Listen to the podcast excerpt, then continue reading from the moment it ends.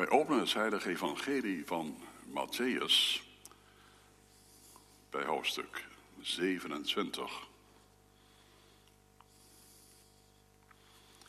De versen 11 tot en met 26. Matthäus 27, vers 11 tot en met 26.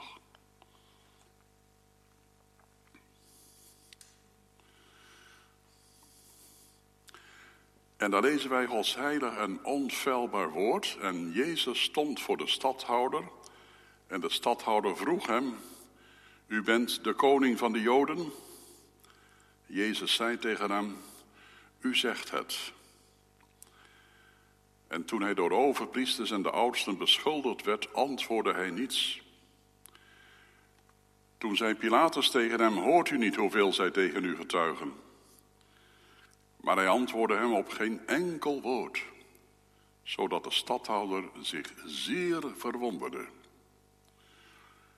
Nu had de stadhouder de gewoonte op het feest voor de menigte een gevangene los te laten, wie zij ook maar wilden. En ze hadden toen een beruchte gevangene, die Barabbas heette.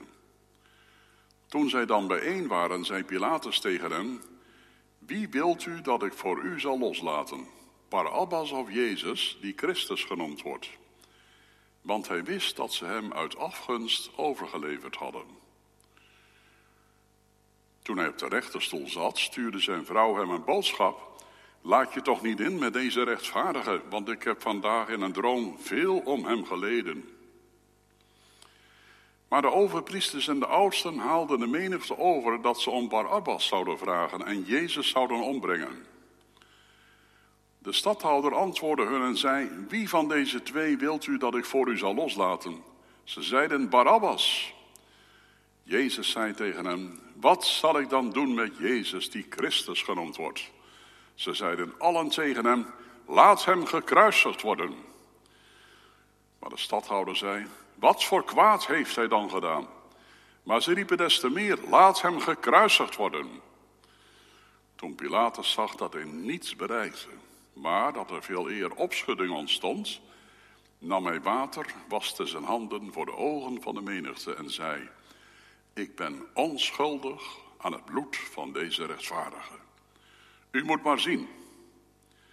En heel het volk antwoordde en zei: Laat zijn bloed maar komen over ons en over onze kinderen. Toen liet hij Barabbas voor hen los. Maar nadat hij Jezus gegezeld had, gaf hij hem over om gekruisigd te worden. Tot zover de schriftlezing. De tekst vindt u in vers 18. Want Pilatus wist dat zij hem, Jezus, uit afgunst overgeleverd hadden. Afgunst of jaloezie. Ik heb het voorrecht vanmiddag om tot twee DOK's te mogen spreken. Digitaal ondergedoken kerken. En die twee digitaal ondergedoken kerken in Apeldoorn en Soest, daarvan kunnen de leden mij wel zien, maar ik hen niet. En toch zijn we elkaar verbonden met huis en haar. Want wie in Christus Jezus gelooft, die heeft broeders en zusters die nooit meer van elkaar gescheiden worden. Dat blijkt als we straks in de hemel komen, hoe waar dat is. Of zo de Heer Jezus eerder terugkeert in de opstanding van de doden. We moeten er echter rekening mee houden, geliefden, dat we voordat het zover is, nog zware tijden tegemoet gaan. Tijden waarin de signalen van de wederkomst van Christus steeds duidelijker zullen gaan klinken. Een van die signalen is dat er pestilentiën zullen uitbreken, zoals de Heer Jezus dat zelf op verschillende plaatsen zegt.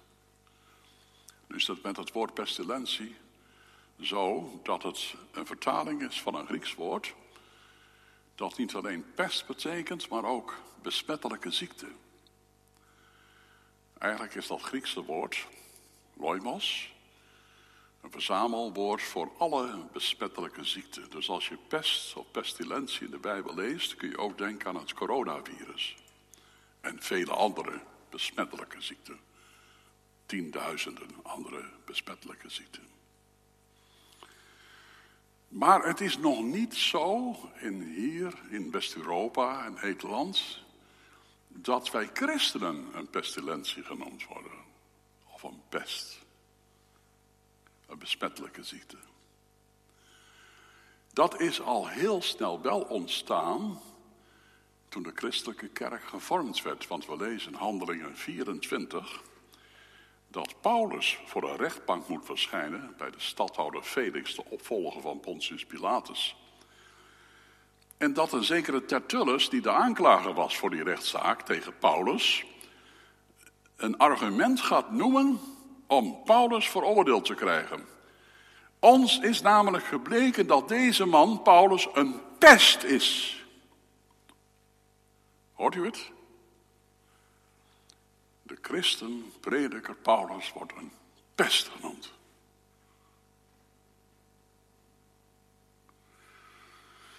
Dat betekent dat hij gemeden moet worden. Besmettelijk. Dat betekent dat zijn pestgedrag moet stoppen. Dat deze man een pest is voor de samenleving. Toen ik in de Sovjet-Unie destijds in de tachtige jaren in Kazachstan kwam en Alma-Ata, heb ik aan de lijve ervaren hoe de KGB, destijds de geheime dienst in Rusland, denkt over christenen. Jullie zijn een pest.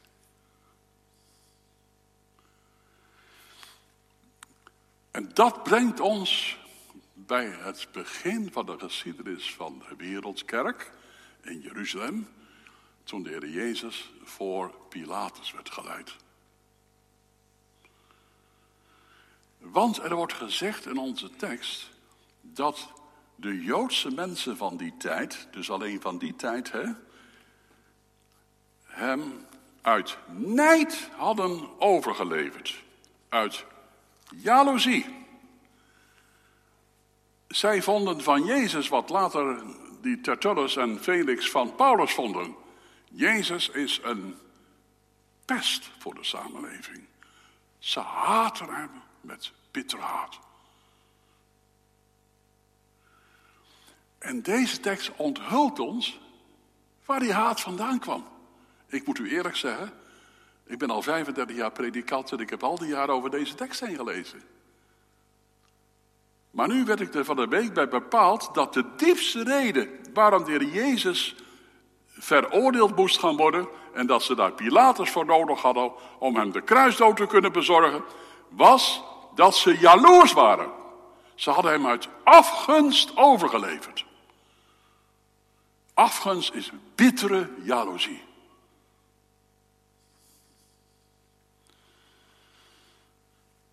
Waarom toch? Waarom jaloers op Christus? Nou, dat kun je alleen maar worden als je geen christen bent. Henry Nouwen heeft eens gezegd: als je een christen bent die dankbaar is voor de verlossing die God je geschonken heeft, dan ben je ook dankbaar als een ander mens die verlossing ontvangt. Christenen zijn in principe dankbare mensen. Dat is ook het enige tegengif hè, tegen de jaloezie. Zoals wit tegenover zwart staat, zo staat dankbaarheid tegenover jaloezie. Er was onder de leidslieden van Israël geen dankbaarheid voor de komst van Jezus Christus naar deze wereld. Om ook hen te redden. Om ook hen op te richten uit die zondeval. Waarin we onszelf allemaal geworpen hebben. Het ontbreken van dankbaarheid gaf aan dat ze zijn populariteit, de populariteit van Jezus, niet konden zetten. Ze zeggen op een gegeven moment ook, zo staat het beschreven in het evangelie, we moeten er wat aan doen aan die Jezus, want heel de wereld loopt hem na. Hij is grenzeloos populair.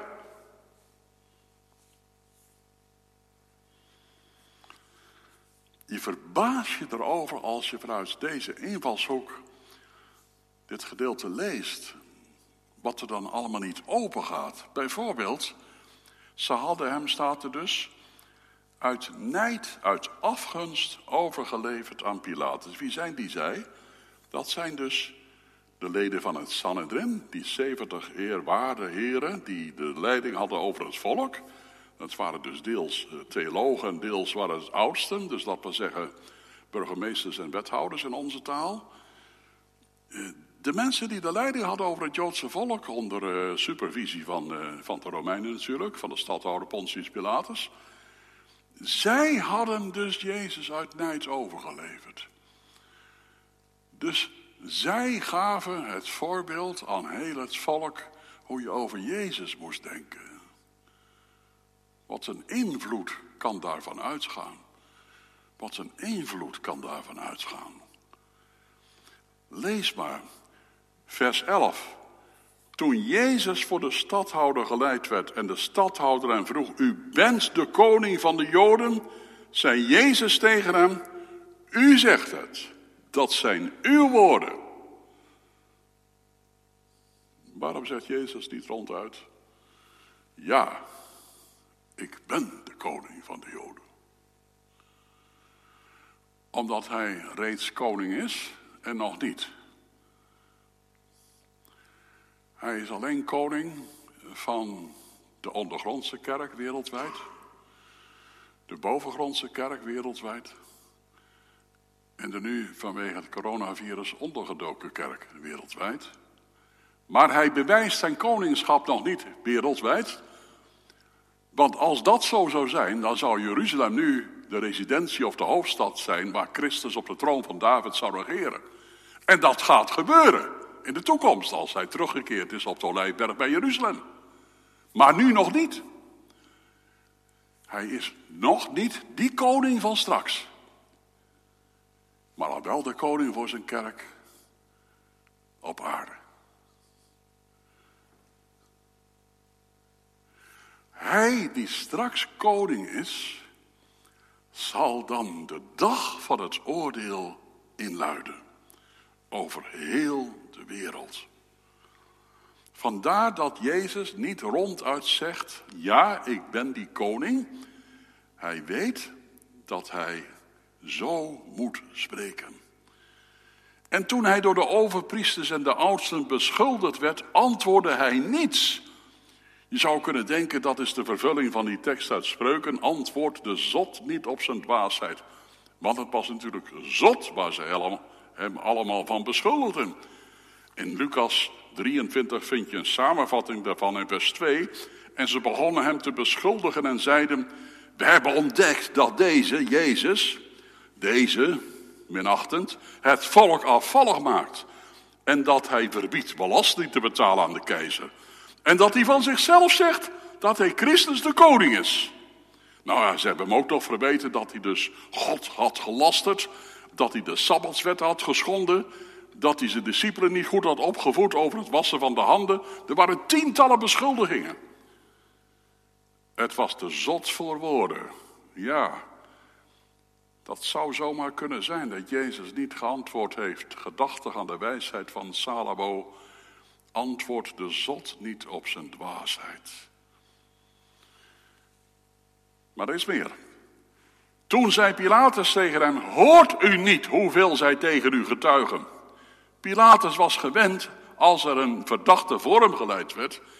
En er kwamen allerlei beschuldigingen in de richting van die verdachte door de officier van justitie, de aanklager. Dat dan een verdachte zich uitputte in verontschuldigingen of onschuldigingen. En voortdurend wilde beweren dat het of niet zo was, of dat het anders was, of dat het overdreven was, of dat hij gewoon totaal onschuldig was. Maar Jezus zei niets.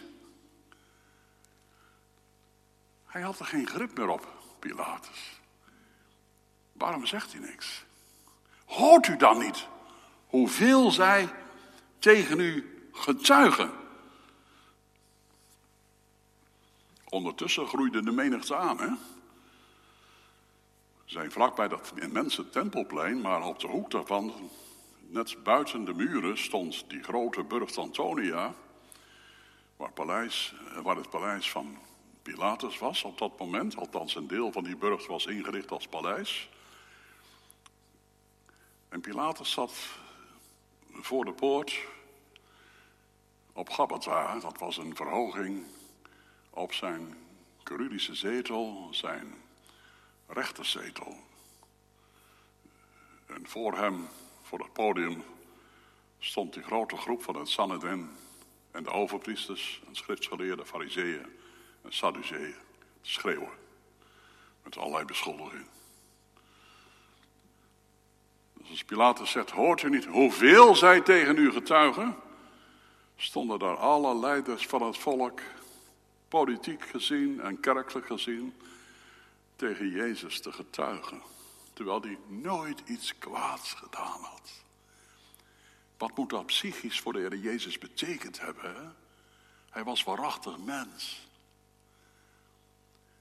Wat heeft het ongelooflijk pijn gedaan? Wat is zijn ziel verwond geraakt? Dat het volk waar hij voor gekomen was, Israël. Israël, mijn troetelkind. Dat dit volk hem zo flagrant en vreed afwees. Hij is gekomen tot de zijnen, zal later Johannes schrijven, maar de zijnen hebben hem niet aangenomen.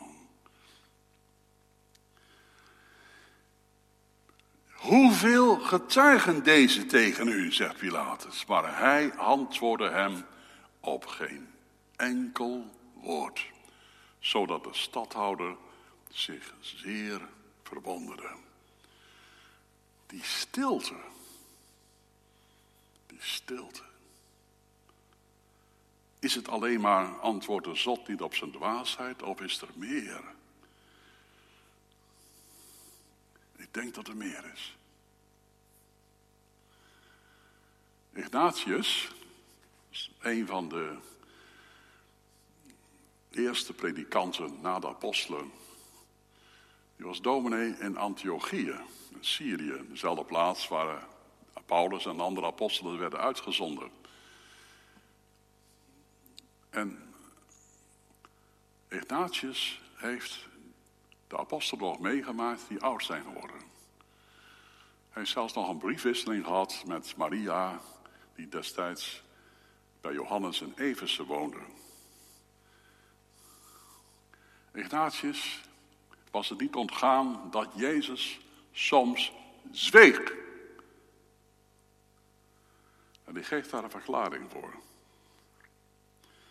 Ik moet u zeggen dat het me bijzonder aansprak van de week, want ik wist het ook niet. Waarom zweeg Jezus? Ignatius zei, degenen die de woorden van de Heere hebben begrepen, begrijpen ook zijn zwijgen. Omdat Jezus herkend wordt in zijn stilzwijgen. Degenen die de woorden van de Heere hebben begrepen, begrijpen ook zijn zwijgen. Omdat Jezus herkend wordt in zijn stilzwijgen. Herkent u de Heer Jezus in zijn stilzwijgen?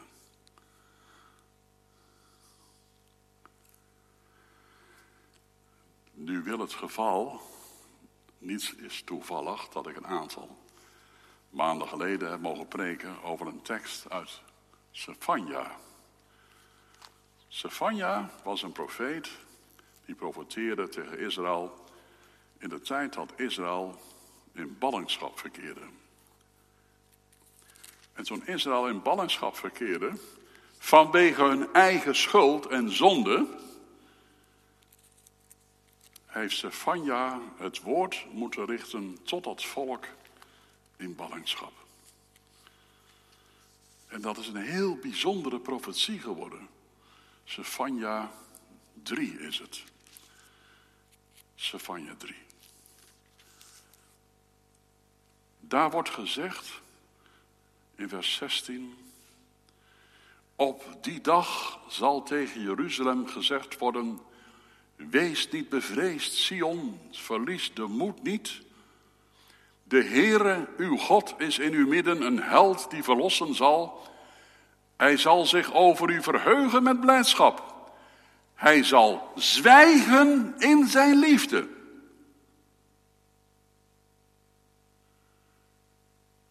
We lezen soms dat de Heere zich in stilzwijgen hult vanwege zijn toorn. En dan mag Jezaja op een bepaald moment gaan zeggen dat God tegen het volk zegt, ik zal niet meer op u toornen en nog op u schelden. Dat gaat een keer voorbij. Dus God kan spreken in zijn toorn, maar ook zwijgen in zijn toorn. Maar God kan ook zwijgen in zijn liefde.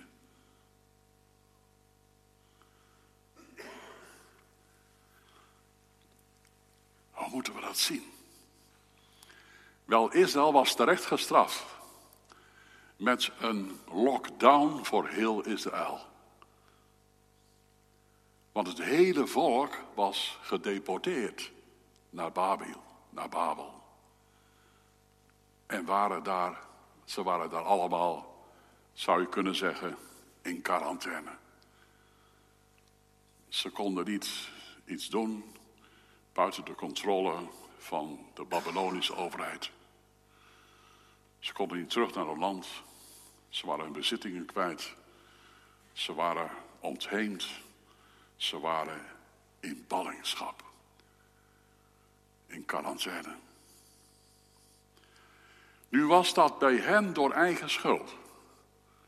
Dat wil ik nu per se niet zeggen van het coronavirus. Dat wij gestraft worden en dat het onze eigen schuld is dat wij dus nu in quarantaine leven en misschien ook naar een lockdown voor Nederland toe leven. Maar eerst dit, Israël wel. En dan gaat God door de mond van Sefania niet zeggen, en zie nu wel, ik heb jullie gewaarschuwd, en nu krijg je je verdiende loon. Nee, de Heere uw God is nog steeds in uw midden. Een held die verlossen kan. Hij zal zich over u verheugen met blijdschap. Hij zal zwijgen in zijn liefde.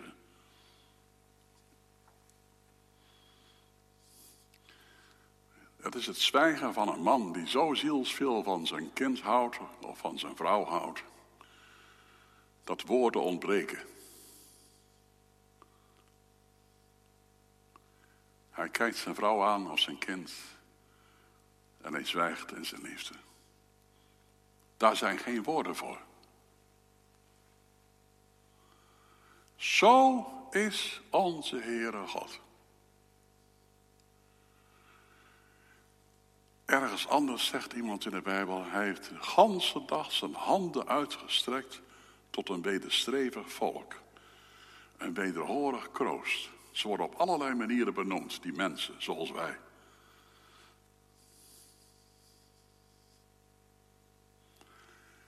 Hij blijft ons liefhebben. En dat is zo sterk bij God, dat hij soms gaat zwijgen in zijn liefde. Toen Jezus voor Pilatus stond, heeft hij met grote bewogenheid gedacht aan Israël. En nu in het bijzonder de leden van het Sanhedrin, de overpriesters, de andere priesters, de Sadduceeën, de Fariseeën, de Zeloten, de Sicariërs, de Herodianen, de mensen in Koran, Qumran.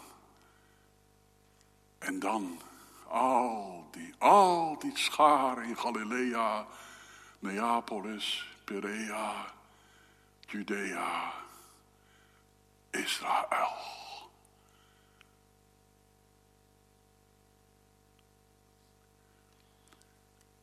Zijn grote bewogenheid met dat volk deed hem zwijgen.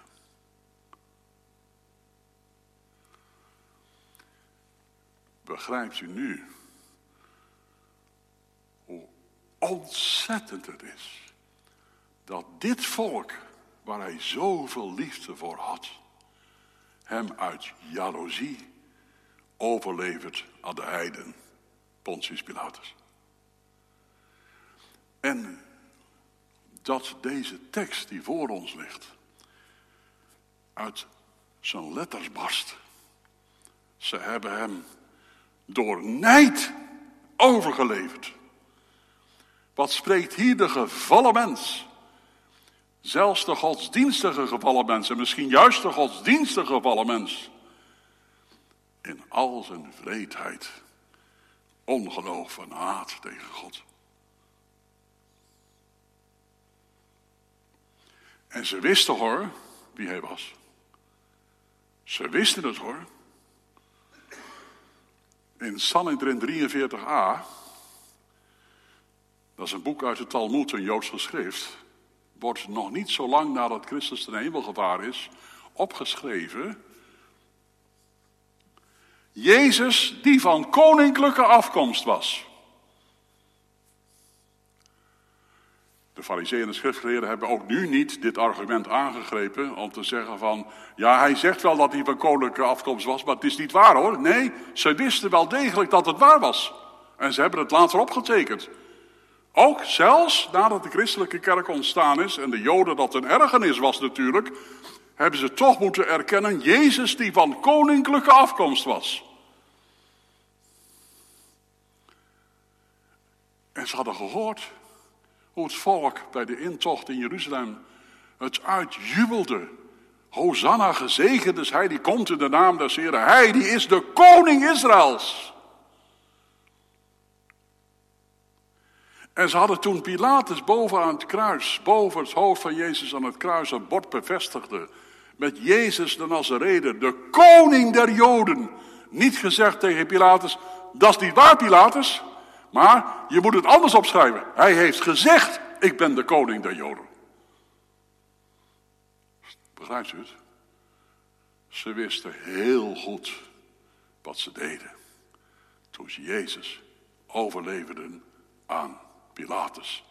Uit bittere afgunst. Jaloezie. Nijd. En Jezus hij zweeg in zijn liefde. Ik vind het zo bijzonder. Zo bijzonder.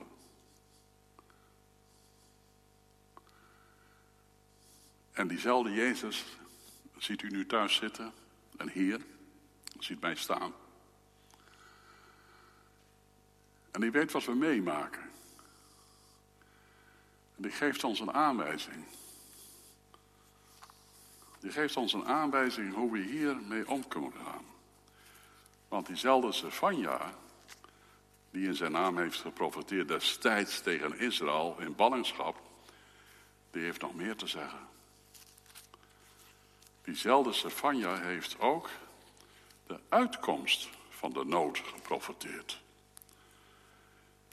Eerst zegt hij, hij zal zwijgen in zijn liefde. Dan zegt hij, hij zal zich over u verblijden met gejuich. Wie bedroefd zijn vanwege de samenkomst, zal ik verzamelen. De bedroefden omwille van de samenkomst. Of zoals de kanttekeningen van de Statenvertaling zeggen, die treurig en bedroefd zijn omdat ze niet in de tempel mochten samenkomen. Toen. En nu de ondergedoken gemeente. Die bedroefd is omdat ze niet samen kan komen in de kerk. De gemeente samenkomst. Tot die, zo zegt de Heer, laat ik mijn knechten dit geluid horen. Ik zal mij over u verblijden met gejuich, wie nu bedroefd zijn vanwege de samenkomst. Ik zal ze verzamelen.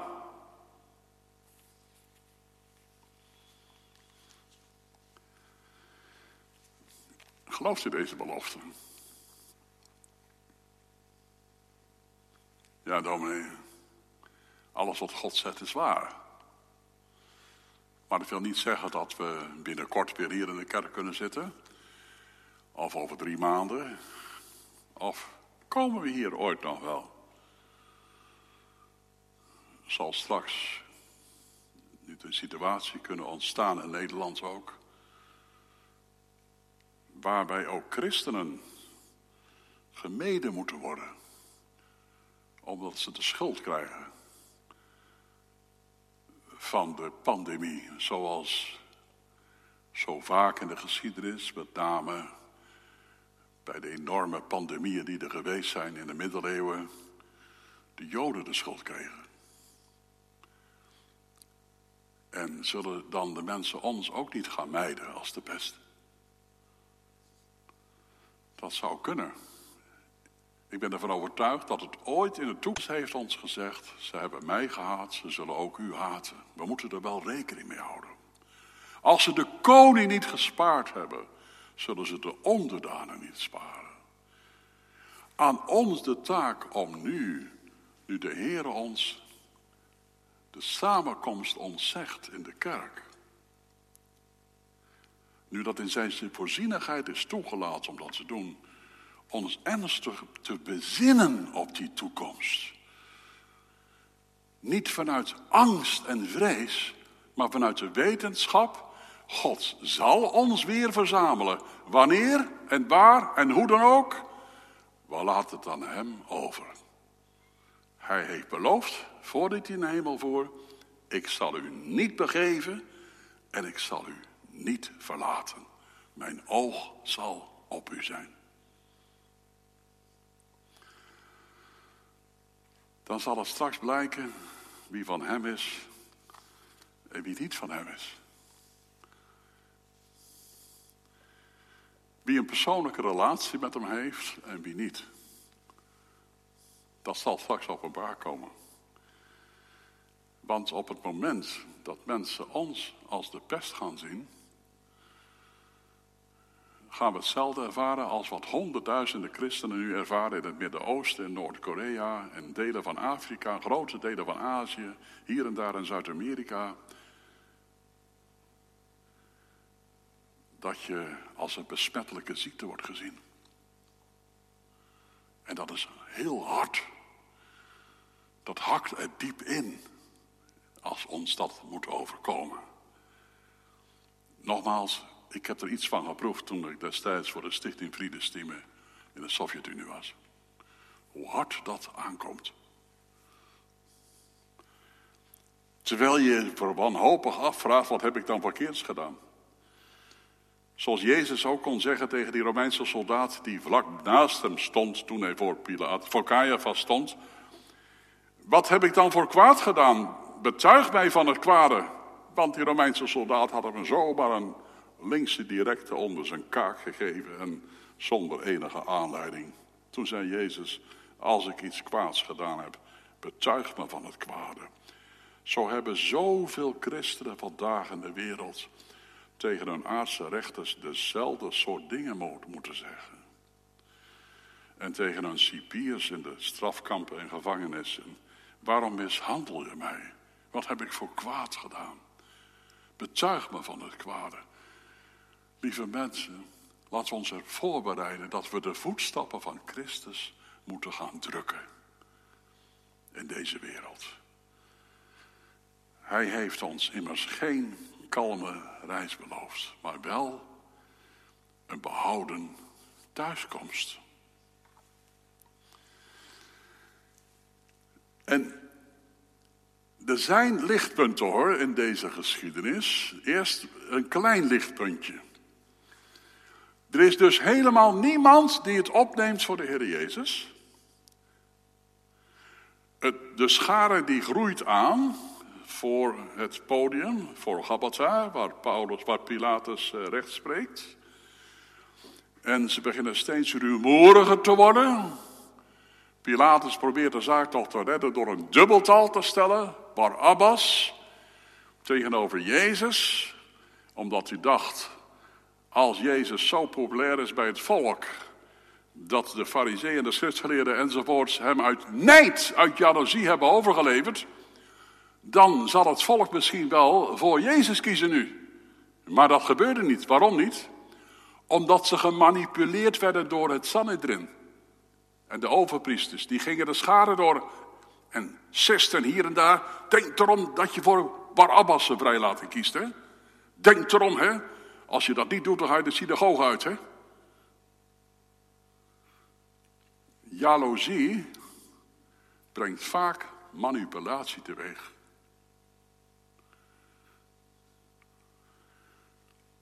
Ze gaan de schade naar hun hand zetten, manipuleren, bewegen om te kiezen voor de vrijlating van Barabbas tegen Jezus. Diezelfde mensen die een paar dagen tevoren met palmtakken jubelend hadden gezegd: Hosanna, gezegend is hij die komt in de naam des Heren. Hij die is de koning Israëls. Die stonden nu te schreeuwen: Stauro! Kruist hem. Gemanipuleerd door jaloerse mensen. Pas op, geliefden, voor manipulatie in onze samenleving.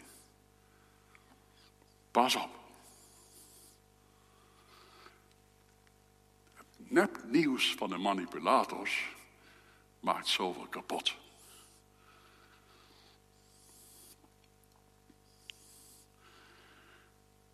Het eerste lichtpuntje is Claudia Procula, zoals ze later genoemd werd in de kerkgeschiedenis, de vrouw van Pilatus. Ze liet een slaaf een briefje brengen vanuit haar paleisvertrek. Heb toch niet te doen met deze rechtvaardige. Ik heb een nachtmerrie gehad en veel geleden om hem. Trek je handen af Pilatus, van deze Jezus. Want hij is rechtvaardig. Hij is goed. Hij heeft niks kwaads gedaan.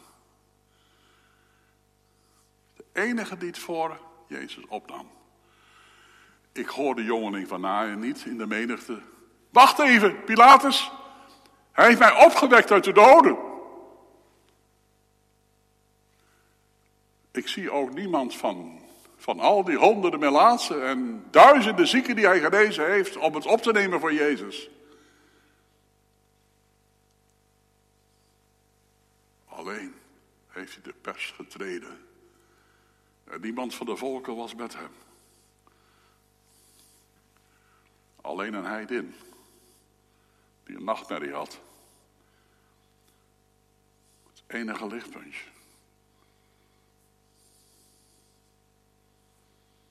Maar dan een groter lichtpunt. Israël wordt zo opgestookt, althans de mensen die toen leefden in Israël, ik zeg het met nadruk, dat kun je dus niet hun kinderen en achterkleinkinderen enzovoorts aanwrijven. Ze werden zo opgestookt door de fariseeën, het Sanhedrin enzovoorts, dat ze zeiden, zijn bloed komen over ons en over onze kinderen. Wat wilden ze daarmee zeggen? Wel, Pilatus had aangetoond dat Jezus zonder schuld was. Pilatus had alles gedaan om Jezus vrij te krijgen, omdat hij besefte dat hij een gerechtelijke moord zou begaan. En uiteindelijk heeft hij onder druk van de bedreiging dat ze bij de keizer in Rome hem zouden aanklagen. En hij de vriend niet meer zou zijn van de keizer. Dat is een speciale gunst die iemand kreeg in het Romeinse Rijk. Vriend van de keizer. Onder die bedreiging heeft hij besloten om Jezus toch over te geven om gekruisigd te worden. Maar bijgelovig als hij als Romeins officier was, want dat waren ze allemaal natuurlijk die de afgoden dienden. Bijgelovig vanwege dat briefje van zijn vrouw Claudia, heeft hij zijn handen gewassen in onschuld. Hij liet een bekken met water komen, waste zijn handen symbolisch. Met andere woorden, ik ben schoon. Aan mij kleeft geen bloed van deze rechtvaardige. En heel het volk wat daar stond, opgestookt door de leidslieden van het volk, schreeuwde toen, maar wij durven het wel aan. Zijn bloed komen over ons en over onze kinderen. Dat betekent, God mag zijn toorn over ons uitstorten.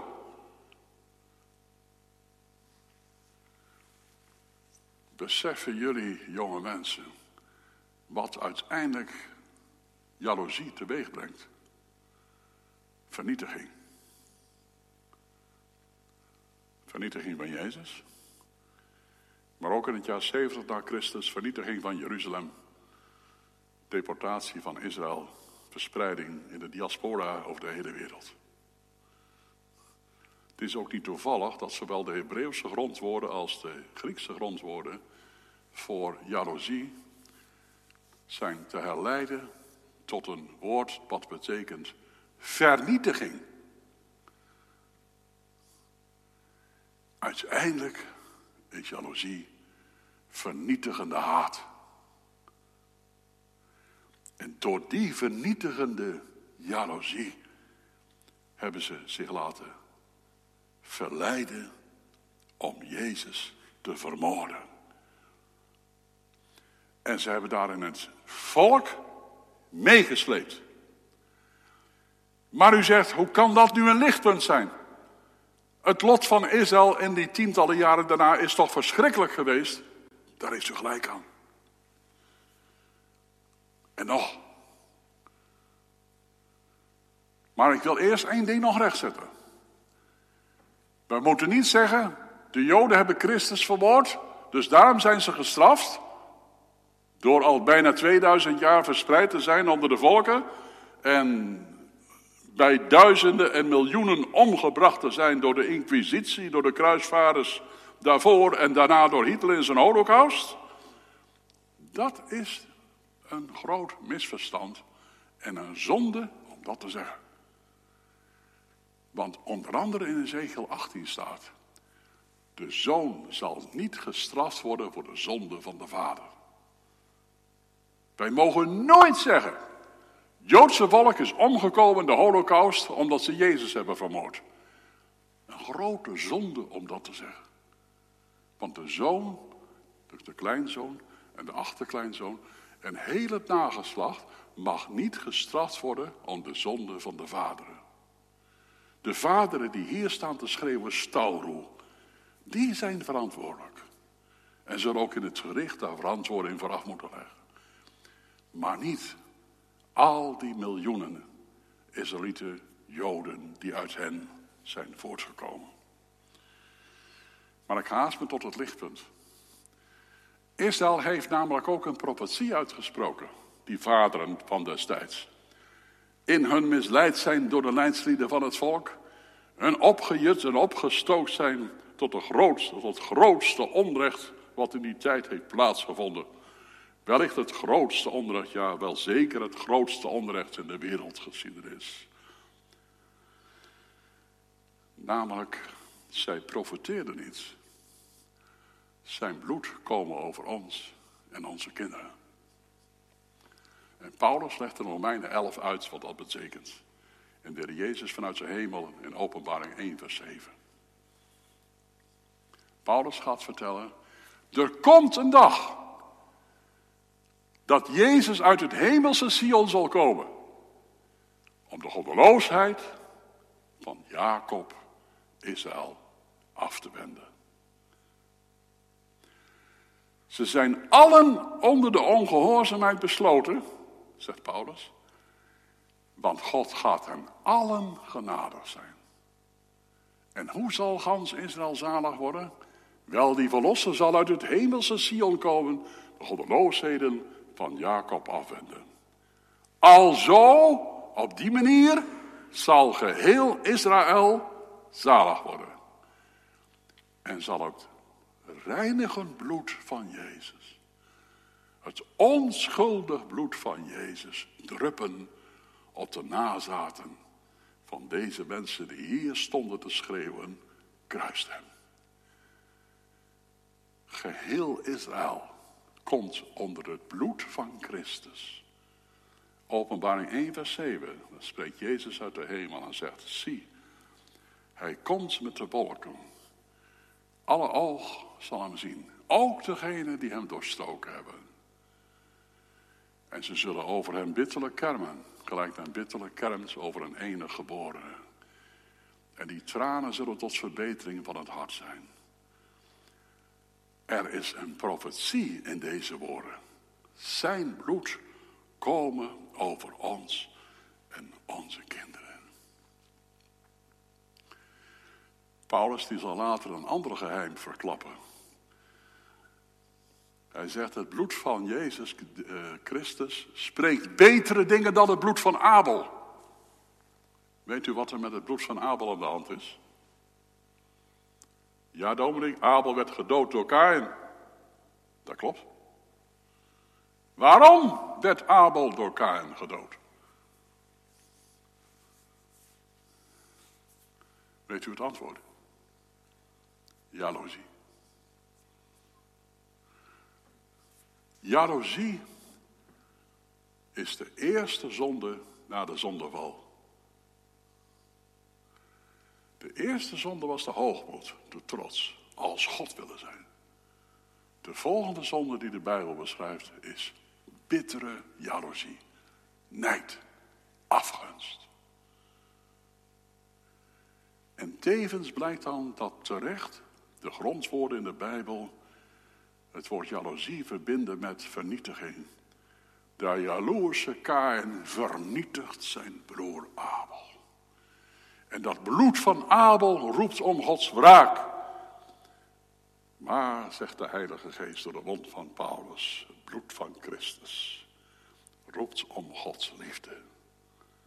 Voor u thuis, in Soest, in Apeldoorn, of waar we dan u ook luistert, hier in de kerk, het bloed van Jezus Christus roept om Gods liefde. En hij zwijgt in zijn liefde vandaag. Wij moeten ook maar de hand op de mond leggen.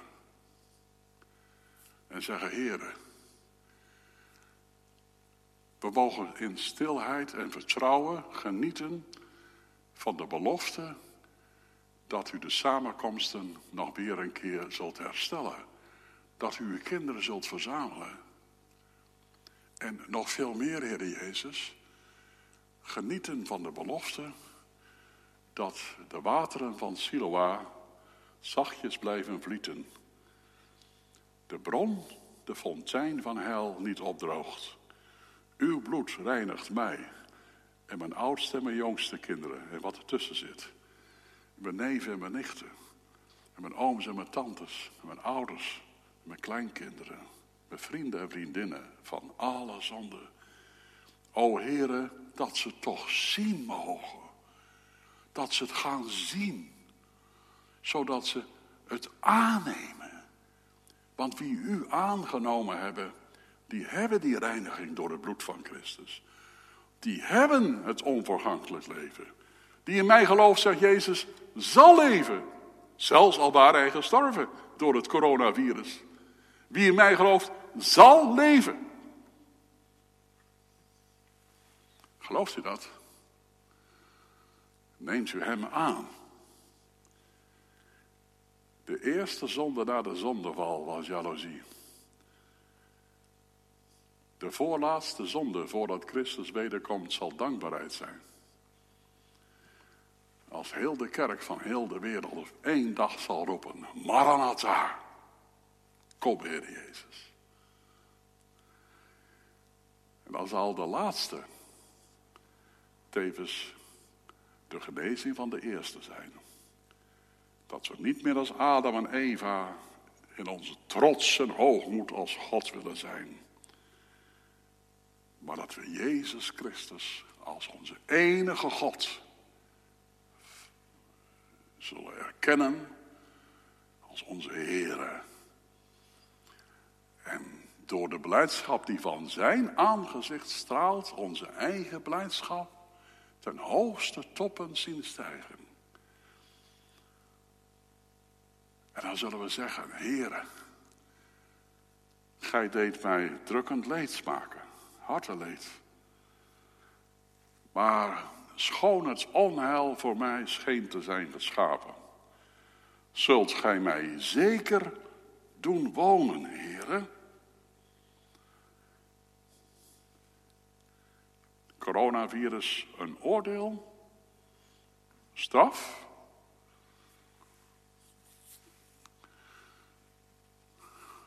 Mag ik zeggen hoe ik het heb leren zien? Het is een signaal. Een signaal voor onbekeerde mensen. Een wake-up call. Ontwaakt gij die slaapt, staat op uit de doden en Christus zal over u lichten. En een signaal voor onze kinderen. Ik zal u niet beproeven boven hetgeen gij vermoogt, maar met de beproeving de uitkomst geven. Maar ik zeg u, en dan komt de bergreden, wat gaat over omgang met de naaste, de omgang met geld en goed, de woorden die we te vlug uitspreken, jaloezie, haat, nijd, de gevolgen daarvan. En dan eindigt de Heer Jezus dat zegt hij vandaag ook tegen zijn kinderen hier. Wie deze mijn woorden hoort en dezelfde doet, zal ik vergelijken bij een man die zijn huis op de rotsgrond gebouwd heeft. Dan mogen er slagregens komen en stromen tegen het huis aanbeuken. Maar het is op de rotsgrond gegrond en zal niet omvallen. Misschien moeten jullie jongens, als je erg veel moeite hebt met die quarantaine. Wellicht komt er nog een lockdown en wordt het nog allemaal heftiger en spannender voor jullie. Misschien moet je eens denken aan Noach. Noach die ging in quarantaine in de ark. Totale world lockdown. Lockdown van de wereld. Zo zou je het kunnen noemen, toch? Noach en zijn gezin in de ark. Was geen raam in de ark. Wat hadden ze eigenlijk? Elkaar. En de dieren. En het heeft iets meer dan 365 dagen geduurd. Een jaar en een paar dagen. Denk eens aan Noach. Noach heeft vertrouwd op Gods belofte dat de Heere uitkomst zou geven uit deze ark. En dat er een dag zal komen dat hij de regenboog zou zien en de verfriste aarde zou betreden. Ik zeg jullie na, want ik voorspel niet. Ik zeg jullie na wat het woord zegt. Er zullen grote wateren komen, die de volken zullen benauwen, zoals de openbaring het zegt. En het zijn allemaal signalen van de wederkomst van Christus. Er staat wel vijf keer in het boek Openbaring dat de plagen die God zal zenden, dat de oordelen die zullen komen over de wereld, bedoeld zijn om ons tot bekering te brengen. Dan lezen we wel vijf keer in het boek Openbaring en zij bekeerden zich niet. En het refrein herhaalt zich. En ze hebben zich niet bekeerd. En ze bekeerden zich niet. En ze hebben zich niet bekeerd. Laat het voor ons duidelijk zijn. Als we nog zonder Christus leven, dan kom je om in de kolken van het komende oordeel. Maar wie in de meerdere ark des behouds Christus is, die zal met Christus de nieuwe aarde betreden. waarop gerechtigheid zal wonen. Het paradijs hersteld zal worden. De dieren weer in vrede zullen leven. En de engelen uiteindelijk gehoor zullen krijgen. Vrede op aarde in de mensen welbehagen. Dan zal de koning, de geboren koning der Joden, zelfs door de magiërs uit het oosten erkend, de troon van zijn vader David bestijgen en zal koning zijn over de ganse aarde. Amen.